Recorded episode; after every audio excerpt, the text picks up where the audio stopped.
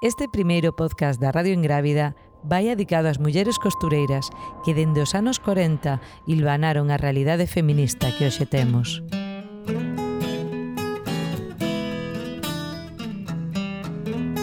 Grazas ao seu empeño en facer unha profesión pese a todas as dificultades, abriron os camiños laborais que hoxe en día aínda percorremos e polos que temos que seguir loitando de fíos, costuras, mangas ranglas, chicles bazoca, vestidos de noivas pecadoras, oxais e traballo, moito traballo, vai este podcast.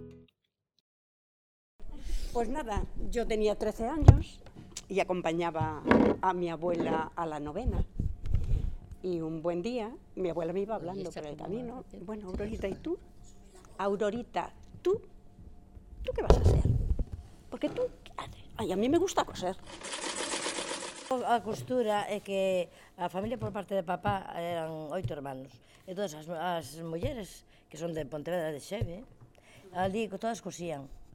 As feiras, coas misas, e todo iso. Entón, como el viña xa dese ambiente, dixo, non, pois pues nada, a miña irmá máis dixo, non, nós vamos a, vos vais a aprender a coser. Bueno, entón viñamos a Dequina, a Dequina de, a de Caribio, Y bueno, saqué todo y puse el taller, hicimos casarán, entonces tenía un taller mucho más grande. Y tenía, llegué a tener 17 chicas. Y tú fuiste una de ellas. Mi recorrido fue a los, tendría que tendría 8 o 9 años. A la mañana a la escuela y a la tarde a aprender a coser. Por la tarde iba con Paquita Duillo, pero después Paquita se marcharon para Colombia, a hundirle. Paquita a hundir. Y entonces vino para junto con niña. A la mañana a la escuela, a la tarde a aprender a coser. Bueno, y ahí estuve aprendiendo. Hasta cuando tenía, me parece que 13 o 14, me fui a Celtia a sacar el corte corte confección, con tal Tania. Bueno, saqué el corte, confección y tal, y entonces empecé yo ya a coser. Pero a coser por las casas. Mm. Yo venía para Porriño, mm. le cosía le cosía a Friquita, claro. en los aloques, claro. le cosía... A mí me hiciste un vestido. Tú no me acuerdo, sí. sí. Mira. Le cosía um, Asunción de Jarjaneira, le cosía yo en Porriño tenía cantidad de, de, Todos los días bajaba para Porriño a coser. Papá me compró la máquina Alfa y yo traía la máquina a la cabeza y bajaba desde Atios y a coser para Porriño. ¿Ibas a casa de la gente? La casa de la gente, sí, a, a coser, sí. sí. Y ya tenía mis casas y tenía los días marcados. O sea, mira, tal día me tienes que venir para mí, tal, claro. tal bueno. La, las de Joriño en los aloques. Sí este Genarito, mi, mi consuegro, también le iba a coser, bueno, a todos. Bueno, estuve cosiendo así hasta los 17, 17 años. A los 17, 18. Empecé con mi marido, que fue el único novio que tuve casi. Y entonces empecé con el tal y entonces pues ordenamos de casarnos. Entonces, al casarnos dije yo, bueno, pues ya no voy a andar a coser por ahí. Ah, bueno, después últimamente ya, ya cogieron un poquito de humos y el que no tenía máquina no le venía a coser. Tenía ah, que buscar no máquina. máquina. Yo bajaba con la máquina la, de, de, de Atios. Pero después ya, como había algunas que tenían máquinas, pues yo le decían, mira, pedir la máquina y entonces yo vos voy, pero yo con la máquina no bajo. Ya, ya porque ya, claro, ya era más pullita, ya, ya me querían acompañar los chicos y a mí ya me daba un poco de vergüenza venir con la máquina de día.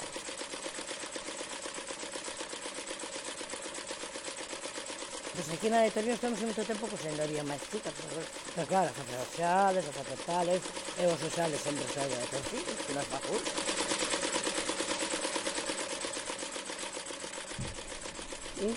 mi padre a casa, dice, a ver, dice la abuela que a ver, hay que comprar la máquina de coser. Muy bien. Me compraron la máquina de coser, Singer, y el curso que me dan, bueno, aquello, un número, claro, había que encargarla, tardaba en venir, había que elegir el modelo, bueno, aquello todo fue meses. La casa organizó para enseñar un curso, para enseñar a coser, Y ahí lo hice yo, desde ahí no lo leéis, 1960. Aún no había cumplido los 14 años. Y nada, empecé a, a coser. a- sí, y empecé a coser a mi aire, ¿eh? sin aprender nada. Yo con la ayuda de mi madre, ella a través también de su madre, o sea que, pues, nada, empecé a hacer cosas para mí, para casa, a bordar, bueno, mi ajuar, claro, había que hacer el ajuar, claro, y nada, me casé, me casé pronto, y, y yo ya continué siempre, siempre cosiendo, y entonces bueno, Manuel, que es muy así, mi marido, dice, bueno, tú ya con lo que sabes, con las cosas que haces, ahora tienes que aprender patronaje. Sí, Había un anuncio, no sé cómo, nos vino a nuestras manos, eh, corte y confección por correspondencia, porque claro, yo casada, claro, y con un niñito, Cor- años 70, y me apunté al corte de confección. Y bueno, yo sí que estuve rebuscando por casa. En realidad no tuve que rebuscar mucho, porque yo un mito ayer siempre tuve todo allí organizado. Y sí. Y, y bien, me apunté y ahí encontré hoy, mira, el sobre donde me venía, la matrícula de... Sí, ahora te doy. Toma. ¿Qué traes tú? Sí. Dices, ben preparada, un Mira, la matrícula, la matrícula consistía en, el, en enero de 1970, cuatro lecciones contra reembolso, 363 pesetas. Era un dineral. Era un dineral, sí. Y entonces nada, yo aproveché bien el curso, los nueve meses que duró, y, y ahí aprendí el patronaje. Entonces siempre seguí cosiendo. En mi pequeño taller hice de, pues, de todo. Todo. Yo traigo un apunte porque luego sé que me pongo nerviosa al ver todas las caras y digo, no voy a decir ni la mitad. Bueno, de trajes mm, de gallegas, todos los vestiditos el día de la palma, que eran las niñitas iban todas con sus vestiditos. Pues lo que hacíamos todas. Yo estoy contando esto, pero ¿no? Este, trajes de novias. Bueno, ¿qué voy a decir yo? Ellas han hecho lo mismo. Novias. Hice capas. Capas. Llegó la moda de la capa. Entonces un comercio de Porriño me vendía las, ca- las capas. Y yo hice cientos, bueno, igual miles, de capas. Y a una velocidad tremenda. Porque a lo mejor eh, tenían siempre una expuesta. Entonces, si la señora que llegaba mm, era más baja que la del modelo, entonces me llamaba por teléfono y decía, mira, que tienes que mm, hacer otra igual, la misma tela. Y, y tal, me enviaban el tejido, al día siguiente, la capa por la mañana, ya la, la tenían. Sí. Y bueno, luego toda la etnia gitana, todas sus vestimentas de sus bodas, con todos sus volantes y todo su folclore. He hecho los carnavales, arreglos de todo tipo.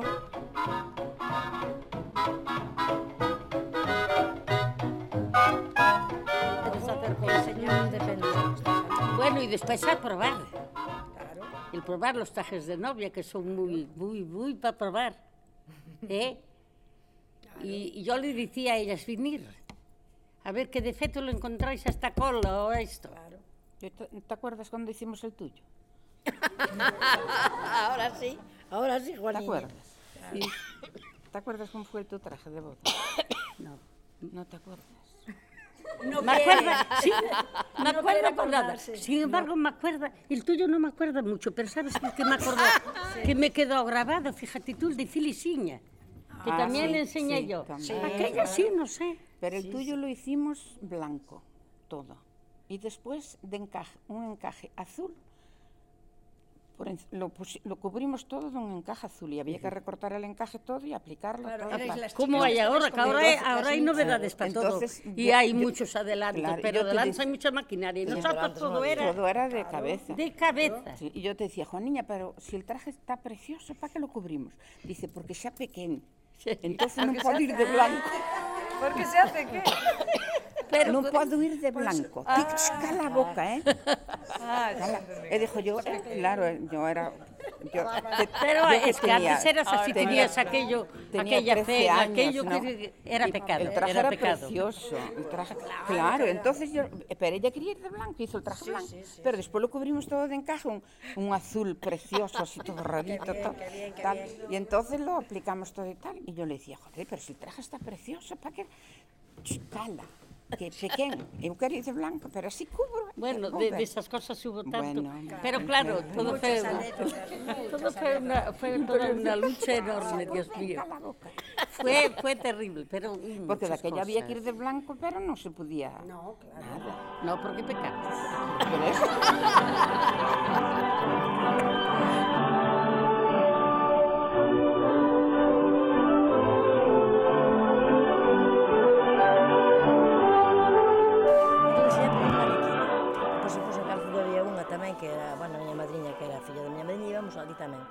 pero onde íbamos á escola, entón éramos xa máis pequenos. Íbamos á escola a mañán e pola tarde íbamos bastantes rapaces de carracido ali a coser. Pasábamos o pipa, íbamos todos ali. Eu non me, me gustaba moito coser, a verdade, ao principio non me gustaba. A cousa comiño. Eu estaba sentada toda a tarde ali e me fervíamos o, fervíamos o cupo de me levantar, pero bueno, había que estar. Era o que había, entón había que sentarse ali. Pero, uff, bueno, Entón, tivemos así varios anos vendendo, poñemos a de quina, e despois na, na Lolita, que era a sobrinha de, da Pascuilla, Ah, a Pasculla no sí, bueno, a Lolita, sabes que tuvo aí de costura, eh? a Lolita que era un poquinho coxa, sabes? Sí, Estaba sí. casado con Marino. Pois pues nos eh, aprendín aí o corte, corte de confección a miña irmán, e bueno, aí íbamos un montón delas, aí a aprender. Entón, eu saquei o diploma como ten, eu tamén o tiña. Entón, aí, claro, en papel, de postal, pois pues, o último había que facer de papel un traxe de novia, un papel blanco, se compraba un papel claro, rompí. Sí, no, e depois había que...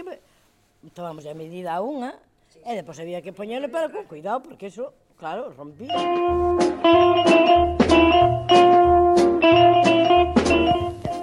E entón, despois de acabar, montamos un taller na Angustia, e na Baixou, e entón ali cosíamos mucho. que yo llegaba a Carmina la Cacharela, no sé si alguna os acordaréis porque veo tantas caras jovencitas, a Carmina la Cacharela, Yo le que era cosía. simpática. Yo le cosía. claro, y yo decía, ah, porque quiero puntillita de Valencia. Y me miraba y decía, ay, pero ¿de dónde? Claro, porque lo, lo aprendíamos. Y, y dice, "Mm, a mí eh, aquí ella lo vendía, ay mira, la puntillita esa blandita, que a los niños no les roce, eh, que non lle moleste, dame disa que tes aí blandiña. Sí, sí. Claro. También Pero es- claro, se pedía eso así. también, así es también. como se era el mercado. Eh, y en cambio en el embalaje le venía Valencier, que es como se llama, del hilo finito, claro. Pues yo eso lo Bueno, aprendí todo. en de- Valencier, claro, pero- claro, o la cinta Georgette, o todo esto. Y yo el- en el curso, pues, la- bueno, os traigo un sobre, es que esto, claro, es que ya es de Trae museo. todo. Porque si yo tenía 13 años y ahora tengo 70, echar cuentas. Sobre. Sí, tengo tres, tres o cuatro, ¿eh? No te Y yo cambiaste estuve- nunca mira, de Se casa, pega, no, sé qué tendría ahí Sí, no, y tal. al cambiarse, no, Claro. no, Luego yo todas la, ¿Y esas las...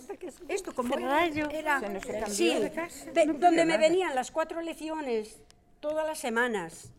Me Yo venían quería ahí que- y yo en este papelito le, me venía, ¿no es? Con las medidas, con todo. Pues, y yo hija los hacía y se lo mandaba. todo Y pagaba pero, 365, Tres, pone, eh, pesetas.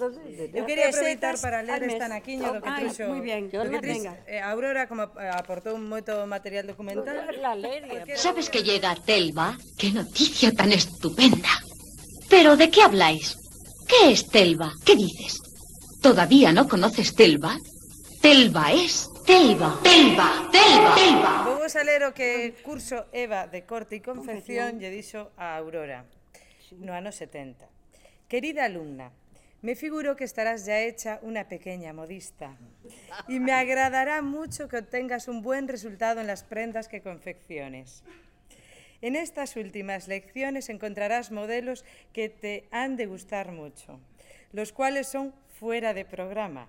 Pero en esta edición del curso deseamos dejar en las alumnas una excelente impresión. Estamos, como vulgarmente se dice, echando la casa por la ventana. Era el final. Un Ya abrazo hecho, ¿eh? de Eva. De Un Eva. abrazo de Eva. Claro. Y pone corrección de ejercicios de la lección décimo octava. Patrón 1801, Sí. es el nombre Sí, del patrón. claro, el patrón. Muy bien trazado. Bien. Patrón 1802, perfectamente dibujado. Patrón 1803, no necesita corrección. Y no traje los patrones, y tengo los patrones. No, no los traje porque ya, ya era demasiado, Si no, también te veía los patrones. que si no los traía. Y me marché para Venezuela y fui a coser para mm, Condesa Ana. Era una firma que había como Christian Dior, pero se llamaba Condesa Ana allí.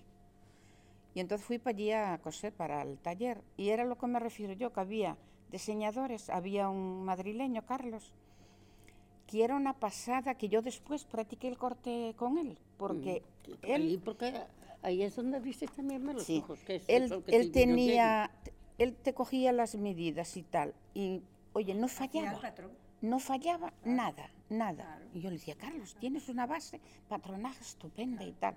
Dice, bueno, pues cuando quieras. Y como era gay, yo iba para junto de él toda tranquila. No había peligro. Sí, nada. Vivi- sí, este vivía en allí en Sabana Grande y tal, y tenía su novio venezolano. Y entonces eh, yo le decía a Pepe, "Ah, yo por la tarde voy a pa junto de Carlos, y Pepe, ¿cómo vas a ir tú, Pani-?" Son gays los dos, tú tranquilo.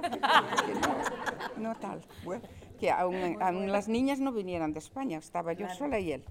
Y entonces, bueno, yo iba para allí, él les encanta. Bueno, me ponían el cafecito, galleta, eran encantadores los dos. Por eso yo cuando veo a los gays, dice, no me mete con ellos porque son buenísimos es todos. muy buenos, sí, señor, son todos buenísimos. Allí estoy de acuerdo con fue yo sí, donde sí, empecé así a y dije yo, ¿qué? Porque buenísimos, buenísimos. Eh, y, y me enseñó todo el patronaje. tal. Y entonces, claro, yo a veces... eh, sí, y, sí, y yo le hacía el traje, él cortaba y, y, eh, nosotros hacíamos, las modistas hacíamos los trajes, pero venían las azafatas de Iberia y venían las artistas, venían todo. Y él estaba allí porque, claro, el traje tenía más mérito, no la costurera a probarle. Carlos estaban allí todos tiesitos, pero ellos ni papa de, de ponerle, ver los defectitos y, y ellos allí iban y tal. Y claro, yo le decía, Carlos, tú mucho patronaje, pero de, de, de, de ver, De dar puntadas, nada. de dar puntadas y hacer el traje, na- me li- nada, no sé ni coger la aguja, nada. No, pues hoy eso continúa igual. Y hoy continúa escuelas, eso. eh, Que hoy, hoy es la universidad, sí, es sí. universitario. Sí, sí. El título eh, em, no se bajan a, a, a coser. ¿eh? Ay, no, eso nada. Na- pero es que, pero No- es que no el, coser el patronaje, nada, pero es que el patronaje, el patronaje, en un año, medio año, tú lo sacas. Sí. Pero para aprender a coser, a Bueno, confeccionar que y hacerlo, más tiempo. eso, Sí. eso sí que cuesta. Es que la y hoy en costura- día no saben. Es que la costura tiene muchas cosas para aprender, Claro. para poder coser. Correcto. Ellos solo saben el patronaje más nada. No, más nada. Y el resto no lo saben. Claro, el se resto perdió lo peor. todo eso. Por eso es una cadena. Claro. Y entonces, bueno, pues estuve cosiendo allí para ellos. Después, como me venían las niñas de España, porque al año y tal ya las quisimos llevar, dije yo, bueno, cogí y monté taller, monté taller en casa y empecé yo a coser por mi cuenta. Y sí, hacía los trajes, hacía trajes de novia, hacía que después esté en España cuando ya tenía la droguería y María se casó, ya narices que le tenía que hacer yo el traje, porque ella se acordaba de los trajes que yo hacía en Venezuela. No, mami, tú me tienes que hacer el traje, tú me tienes que hacer el traje. Y bueno, se lo hiciste? y le hice el traje, sí, ella, le hice yo el traje. Y ya te digo, después allí, pues sí, cosí, después vinimos a España y compramos el bajo allí en el Calvario, en Vigo, con la intención de yo poner un- una casa de novias. El bajo fue comprado con esa intención, una casa de novias. Porque Pepe ya estaba en Seida trabajando, él es chapista de coches y ya él estaba en Seida. Entonces, bueno, pues compramos el bajo y pongo yo una casa de noviecita.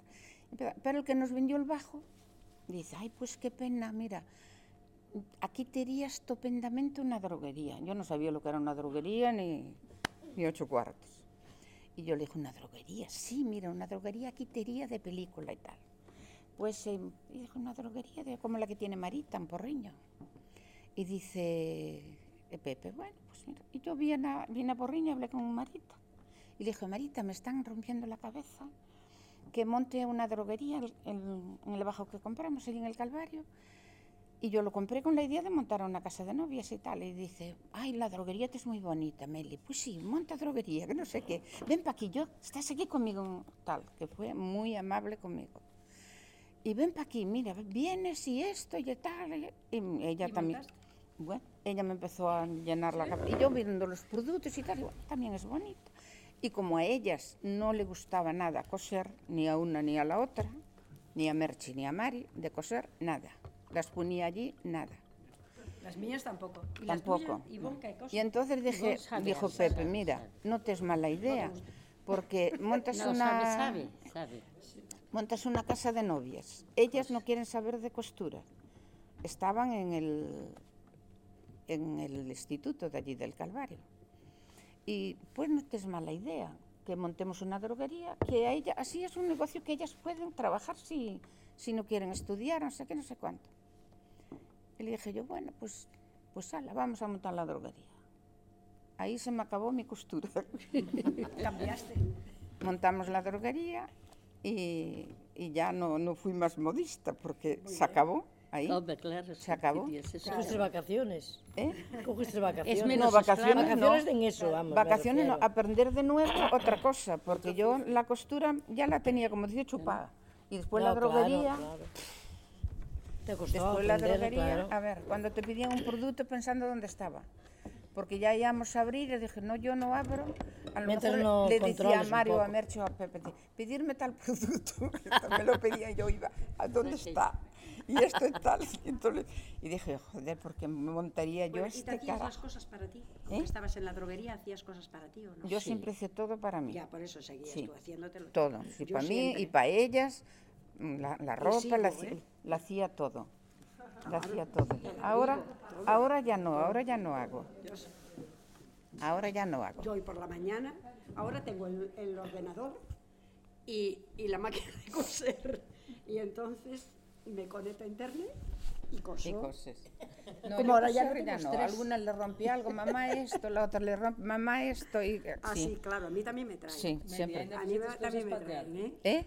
Fixetes cousas No, para sí, hago así cosas. Claro, Sí, claro, sí, ah, no, hago así cosas de, de eso, pero vamos, de que yo me ponga ahora a hacer un traje para mí, pues ya no, porque ya tengo tantos que no, me hace- no me hace falta ya ni comprar ni hacer. También antes en, en el comercio no había lo que hay ahora.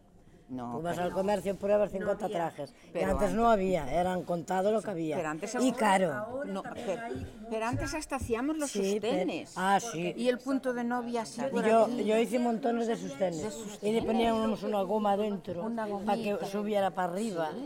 Ay, mi madre, ¿sabes que le hacía yo muchos? Y a- y no yo sé, le decía, a Champana, a Champana, que trabajaba en el matadero, Ajá. que era delgadita, que era un, bueno, una torera las de miedo.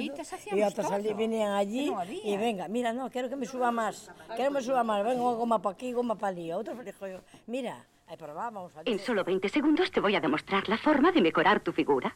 O meses de ejercicio, o pruébate un cruzado mágico de fleites que mejora tu figura al instante. Porque Cruzado Mágico, gracias a su diseño exclusivo, levanta y modela tu busto. Y los nuevos modelos son tan bonitos. Recuerda, mucho ejercicio o Cruzado Mágico de Plaites, ahora también con aros. Y bueno, lo que os decía, que luego ya también la vida fue así cambiando todo y cuando vino la escuela de mm, corte y confección, no, ¿qué es? De diseño a Vigo, una escuela de diseño, comenzó la escuela de diseño, pues yo tuve, ah, bueno, porque empecé a dar clases ¿eh? de, de corte y confección. Yo monté el taller para dar clases y tuve alumnos. Y eh, alumnas y alumnos. alumnos también, me encanta. Sí, cuando habló del chico que compró la empresa y que no sabía, aquí, yo vinieron los chicos, vino su padre y me dijo, venden una nave en la avenida del aeropuerto y yo se la quiero comprar a mi hijo. El hijo era un brutito que no quieras ni verlo. Un manazas que aquello era espantoso. Y dice, claro, eh, él, aunque lleve el asesor y vaya a las ferias a Alemania, me dijo, a comprar el patronaje, por lo menos que sepa lo que es una mangarrancla, o lo que sabía más el padre que tal, ¿no? Que tenga así una idea. Y yo, sí, sí. Pues tuve dos, ¿eh? Tuve dos, sí, sí, vinieron. Y bien. Y ya te digo, y cuando se montó esta escuela, pues también en la escuela les daban las clases, pero muy así por el aire. Y el fin de carrera, el fin de carrera, las alumnas tenían que mm, presentar un desfile y que- crear una idea, un estilo propio. Entonces me vinieron chicas de la escuela mm, y claro, traían ya su modelo, traían su idea de, de qué línea iba a llevar, que una pues mm, lo hizo en la moda, moda hindú, y bueno, era todo precioso porque todo con cristalitos, eso es un trabajo enorme, pero claro, ella había estudiado tal, pero en la práctica no sabían coser una cremallera. ¿Sabes? Eso en, en la... Ese estilismo, pero no sabían claro, cómo aplicarlo. Claro, cómo aplicarlo. Entonces, pues nada, ahí también vinieron a mis clases y ahí, claro, a horas distintas y todo, un estrés de vida tremendo, porque yo la orientaba, pues no, en ese modelo la cremallera tiene que ir aquí escondidita. O sea, ella no tenía, ¿sabes? Se le hubiera puesto la cremallera todo por detrás, o, ¿sabes? No, no, y tal. Y trabajé también en, en eso. O sea, que lo mío fue todo muy, muy, muy amplio y muy distinto. Muy distinto. Y cuando, cuando ahí mm, en la moda esta mm, de Zara, que ahí empezó a bajar, las niñas ya no llevan los vestiditos todos con nidito de abeja. Yo trabajé también con una bordadora que ella bordaba, pero es que ha- hacíamos cantidad y cantidad de, de- de vestidos. Ella los bordaba todos de nidito de abeja, sí. Y, o sea que el delantero ya estaba hecho, estaba fruncidito, y me lo, me lo mandaba y yo le hacía la manguita farol en la parte de atrás, los ojales, el botoncito y los dos cuellitos bebés, o según la moda, o un volantito. Luego tenía mi hijo 12 años, en Porriño no había coches porque ahora tiene 50, ¿eh? no había coches, cogía la bicicleta, salía de la escuela a las 12 de la mañana y Bruno, vete, tal familia, tal, todo este paquete. Lo llevaba en la bicicleta y venía, oh, que me dieron, me dieron una peseta, dos pesetas, no me acuerdo cuánto, tal, eh, estaba contento, tenía el regadero. Y nada, así fue mi vida. Y hablando de pesetas, por ejemplo, cuando yo empecé, ¿os acordáis del chicle bazooka? Éramos unas inocentitas, y unas, éramos unas niñas, eh, nos contentábamos con todo. Yo me acuerdo de hacer prendas para las amigas de la familia, y entonces, claro, es que Aurorita, claro, Aurorita tenía 16 años, así. Y entonces, bueno, pues estas pesetas. Y yo, ay, para un chicle bazooka. Fíjate tú, ya, ya ganaba. Yo ya me sentí, yo ya ganaba para comprar un chicle bazooka. Y, y así fue, fue mm, nada, mi vida fue así. Me encantó, me encantó. Vimos un reportaje hace poco de, de las emigrantes que las que llevaron la máquina, que las que sobrevivían y tal, en una voz en off, ¿no? decía, eran las que habían salido con su máquina de coser. Y yo, y yo en ese momento pensé, ah, yo ante una catástrofe de mi vida hubiera cogido mi máquina y a dónde. Alfa es la que me gusta. Alfa es la que prefiero. Alfa ha de ser la marca porque es la que yo quiero.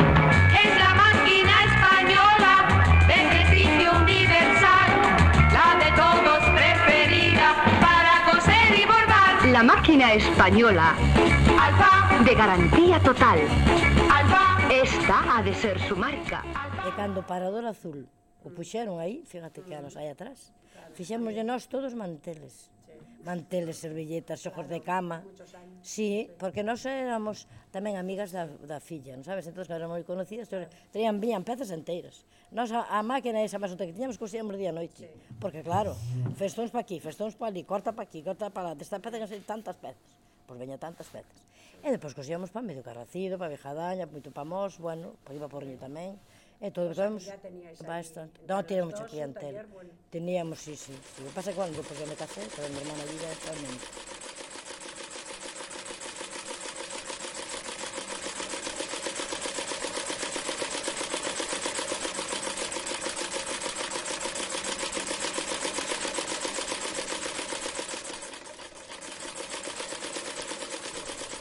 yo lo que, como yo la máquina, es que me encantaba, me encantaba coser, era mi mundo.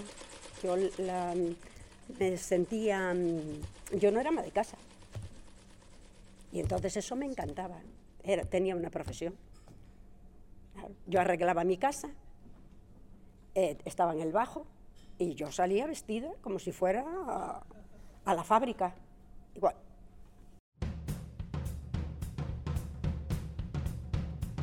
Y después otra cosa que hubo mucha lucha. Nosotros en el, yo en el 43 aquello era horrible, no había... eh, Tenías una cabeza, una cosa que me gustaba hacer aquello, pero no había. Pero no había para comprar, no había comercios, no había nada. Lo descorridas, tú hacías yo claro. flores, las hacía yo flores de, de tela para poner y hasta le ponía una, una perlita en el medio para claro, ser yo bonito. Es que no, No había. eh, eso vino mucho después. eh. Yo Y- también empecé, sí. Sí, y no había todo. nada. Y fue una pena porque nunca llegamos a hacer nada, porque no, no había ayuda, no había nada. Tú aunque quisieras ir a más, a más, a más, a mucho más, como hay ahora es- esas modistas importantes, nosotros podemos ser importantes. Bueno, pero no, teníamos clientes importantes. ahora Mira, lo que- Porque lo el cliente te decía, no, ¿cuánto mira. me vas a cobrar? Y tú decías, Ay, ¿para sí, qué me voy a sí. matar si Bueno, me va a pagar no hay que poco? hablar. En cambio, de luego, si venía la señora, no, tú cóbrame lo que quieras. Ay, ahí le ponías de todo. Hombre, claro. Le ponías el lazo, le Bueno, ponías pero las eso ya fue, eso ya fue. Pero Le cuando yo, yo Claro, empecé. necesitábamos gente muy, muy en porriño para nosotras Uy, sí. haberle hecho todo lo que era- teníamos en la cabeza. A mí era lo que más me gustaba, era, era hacer así Claro, cosas raras, raras. raras, así. Claro. A mí me gustará, no me gustará, y lo probaba. Aunque después no me gustaba, yo lo deshacía, no me importaba. Ah, claro. Tenía que gustarme. Y que ya nunca fui nada. Bueno, Millonaria bueno, no, pero no somos mi- la modista Juaniña de Juaniña. Porriño. Bueno, pero qué. Como nada. Pero- Además te sentiste tú, que fuiste tú. mucho.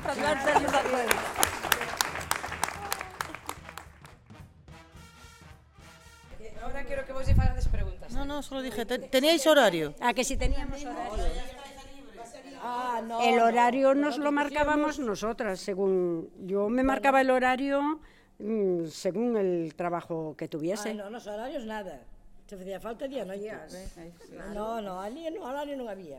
No, pero que digo que te lo marcabas tú. No, Yo, claro. yo- o empezabas a las 10 de la mañana o No, nos hacías todo y empezabas No, más pero tarde. ¿sabes qué o madrugabas mucho y lo hacías. Sí. Buscabas el rato para sí, pero hacerlo. sabes qué pasaba? O te Que quedabas tarde de noche o Sí, eso. pero cuando había fiestas, por ejemplo. Ah, claro, San Benito. Las fiestas, no, da Carracío, da Vegadaña, todo, en todo de aquí, dicían, no, porque era tá, para a festa tanto festa, pero non vai dar tempo. Ai, non temos que facer meso. Eh?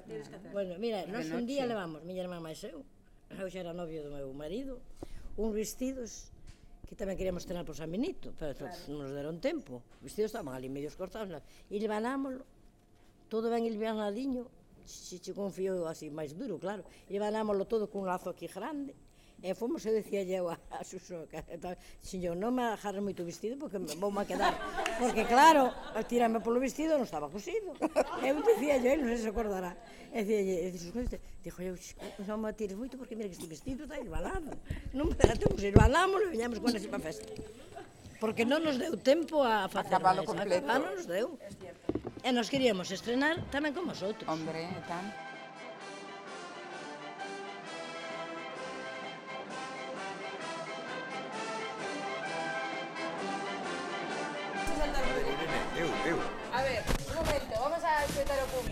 Eu, eu o que me parece que o problema de, da confección que miramos neste reportaxe non é novo en Galicia.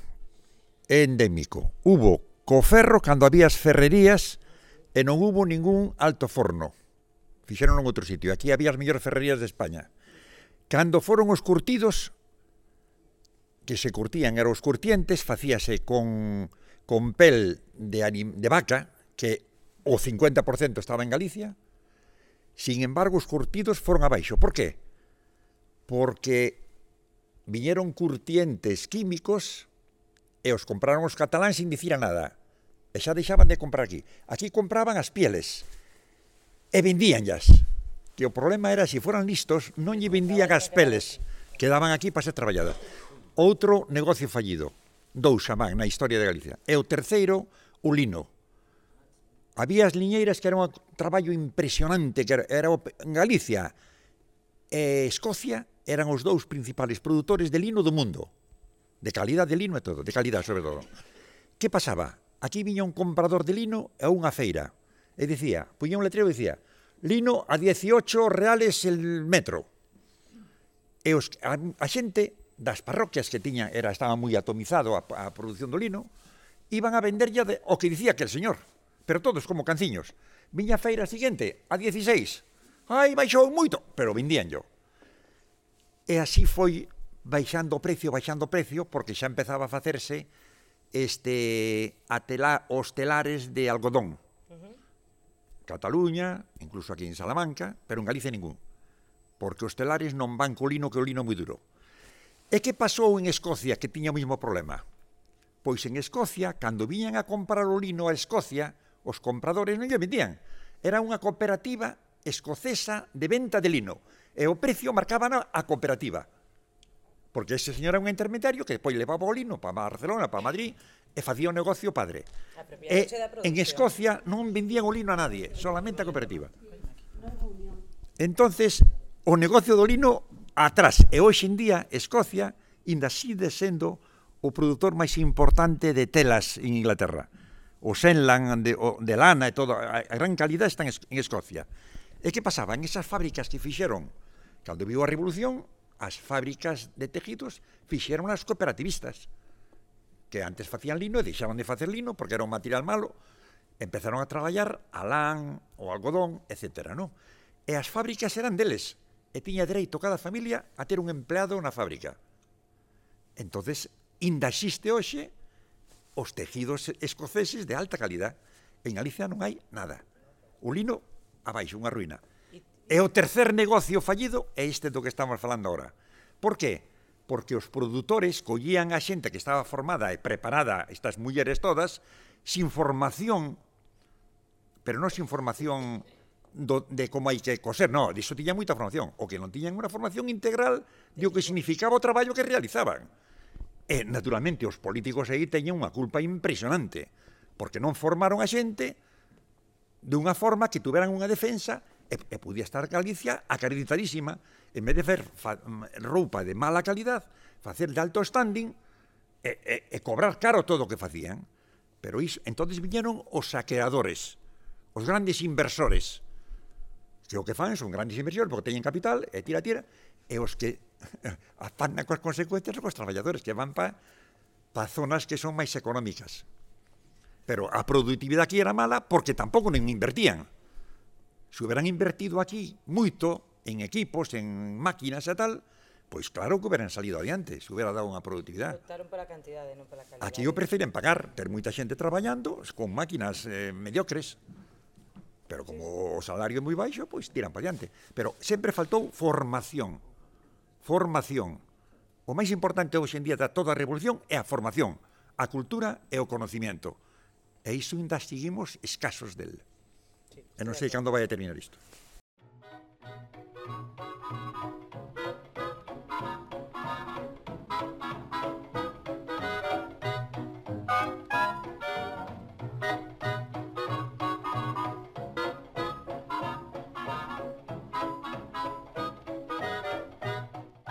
Como é posible que, que, que sabendo que hai detrás desas prendas mm, baratísimas que nos poñemos en xeral e demais, como alaban tanto a ese señor?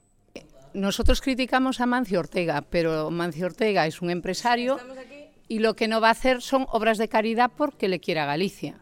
Hay que pensar que la culpa es nuestra porque nosotros queremos estrenar todos los días y queremos barato. Y si queremos estrenar una camiseta cada fin de semana, como quiere la gente joven, no se puede fabricar en Galicia. Tenemos que comprar cinco camisetas y poner una cada, mm, cada fin de semana para variar durante el mes. Pero no podemos estrenar una camiseta cada fin de semana hecha en Galicia. Entonces, criticamos a Mancio Ortega porque no por hobby no mantiene todo Galicia, que podría hacerlo, pero su ropa no sería al mismo precio. Y él, si quiere competir en el mundo y quiere tener todas esas tiendas que tiene porque a él le da la gana, porque él quiere, no podemos criticar que no pague los sueldos aquí. O sea, si paga los sueldos aquí no puede vender ese precio. Entonces, eso es cuestión de la globalización. Los políticos lo que podrían ponerle un canon a todo lo que viene de fuera para que no destruyera los trabajos de aquí. Pero entonces, porque yo como empresaria, si, si tengo que ganar, porque tengo que ganar, y si no ganas tienes que cerrar, tú tienes que, no vas a hacer obras de caridad. Yo no puedo pagar porque a mí me dé la gana, porque yo quiera tanto precio. Yo si quiero vender aquel precio, tengo que competir. Y el hombre lo que hace es competir.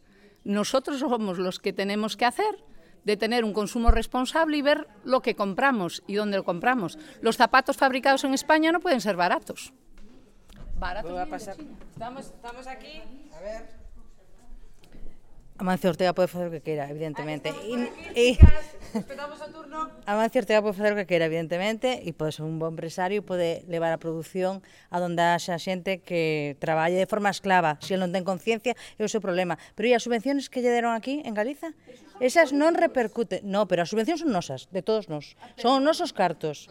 Entonces, esas subvencións tiñen que responder el de forma que aquí hubiera traballo, que hubiera, permanecera con vos salarios, e non que realmente levara subvencións, levara o suor da xente, sobre todo das mulleres, e ao final acabo el aquí non repercute en nada. El, cando lle convén a galego, cando non, pois da igual, é de China, é de Marrocos, é onde convén. Pero en ese sitio non creo que lle den subvención. E aquí se deu moita subvención. Claro, pero a culpa é dos políticos, que si das unha subvención... A, nosa, a culpa nosa, que nos poñemos os políticos onde están. Ah, iso é ah, iso a culpa aquí ah, acabamos de chegar ao tema. Os políticos onde están? Por exemplo, o máximo poder que ten un individuo é ir á carteira e quitar 20 euros. Isto é o máximo poder que temos todos. Isto é o máximo poder. Nós compramos unha prenda de Zara ou compramos unha penda de feita por unhas unha ou non compramos ningunha. O noso poder escoller onde gastamos os cartos. Podemos escoller onde gastamos cartos. Eh, que se montou, se montou unha, unha empresa digamos, como tú dices, eh, se hicieron intermediarios con los empleados y ellos eran otra ellos, ellos digamos era la empresa que trabajaba para Mancio. Era Mancio cuando empezó la cuestión, le dijo, bueno, sí, sí, montar, montar, yo os ayudo lo que haga falta. ¿Cuánto me vais a pagar por esta chaqueta? Pues 10 pesetas. Muy bien. Ah, pero es que empezó con 10 pesetas, la señora dijo, coño, me hago la vida. Montó el chiringuito, empleó a toda la gente y adelante. Pero es que después ya no le pagaba 10 pesetas. Luego le empezó a pagar 8, pero ella seguía pagando igual a la gente. Luego le pagó 6. Digo, yo no puedo tener a esta gente pagar 6 pesetas y tener el, el chiringuito funcionando. Y fue mandando a la gente, mandando a la gente, hasta que cerró. Quer decir, eu con os cartos movo mundo. Único que pasa que somos... Eh, temos un aire bastante borrego. E non temos formación. Ou mellor dito, temos deformación. Esa deformación é unha presión moi grande que hai sobre nós, eh? Que non é fácil escapar dela.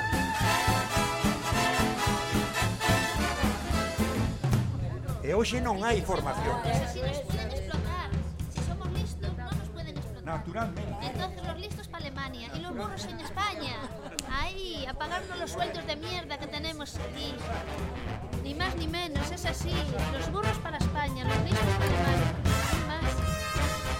La migración y la puta crisis esta encubierta que están los putos gobiernos. Ahí está también, ahí está también. No es... Allí que no está. Ahí está. Como aquí os de Marrocos. Volvemos a comer e os nosos e os veces. Os aquí tamén, pero que moitas veces é como...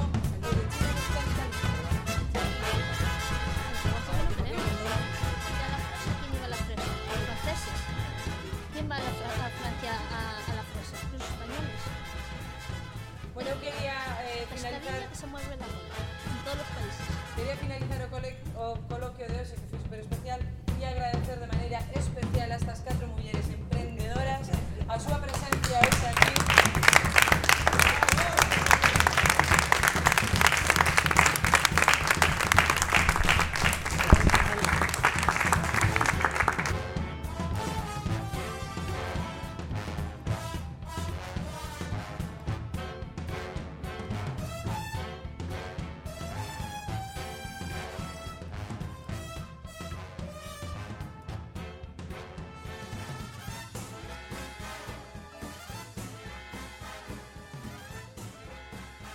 Aurora, Juaniña, Meli e Camila son mulleres que admiramos.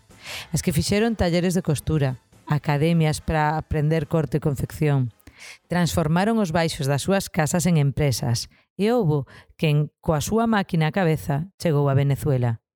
Foi un encontro maravilloso que se deu en Ingrávida o 26 de novembro do 2016 e que conforma o primeiro podcast da Radio Ingrávida un espazo sonoro que recolle doutro xeito o que sucede cando se gravita en comunidade. Non vos esquezades de descargalo, difundilo e visitar os seguintes na nosa web salaingrávida.gal na icona de Radio Ingrávida. Radio Ingrávida. Xa estamos no aire.